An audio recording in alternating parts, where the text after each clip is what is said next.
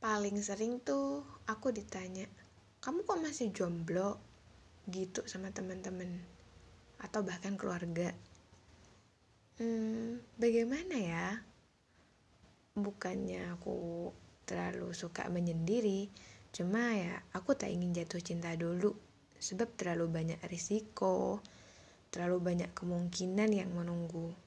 Kadang-kadang kupikir jatuh cinta yang tak tepat sama halnya dengan menggali kubur sendiri.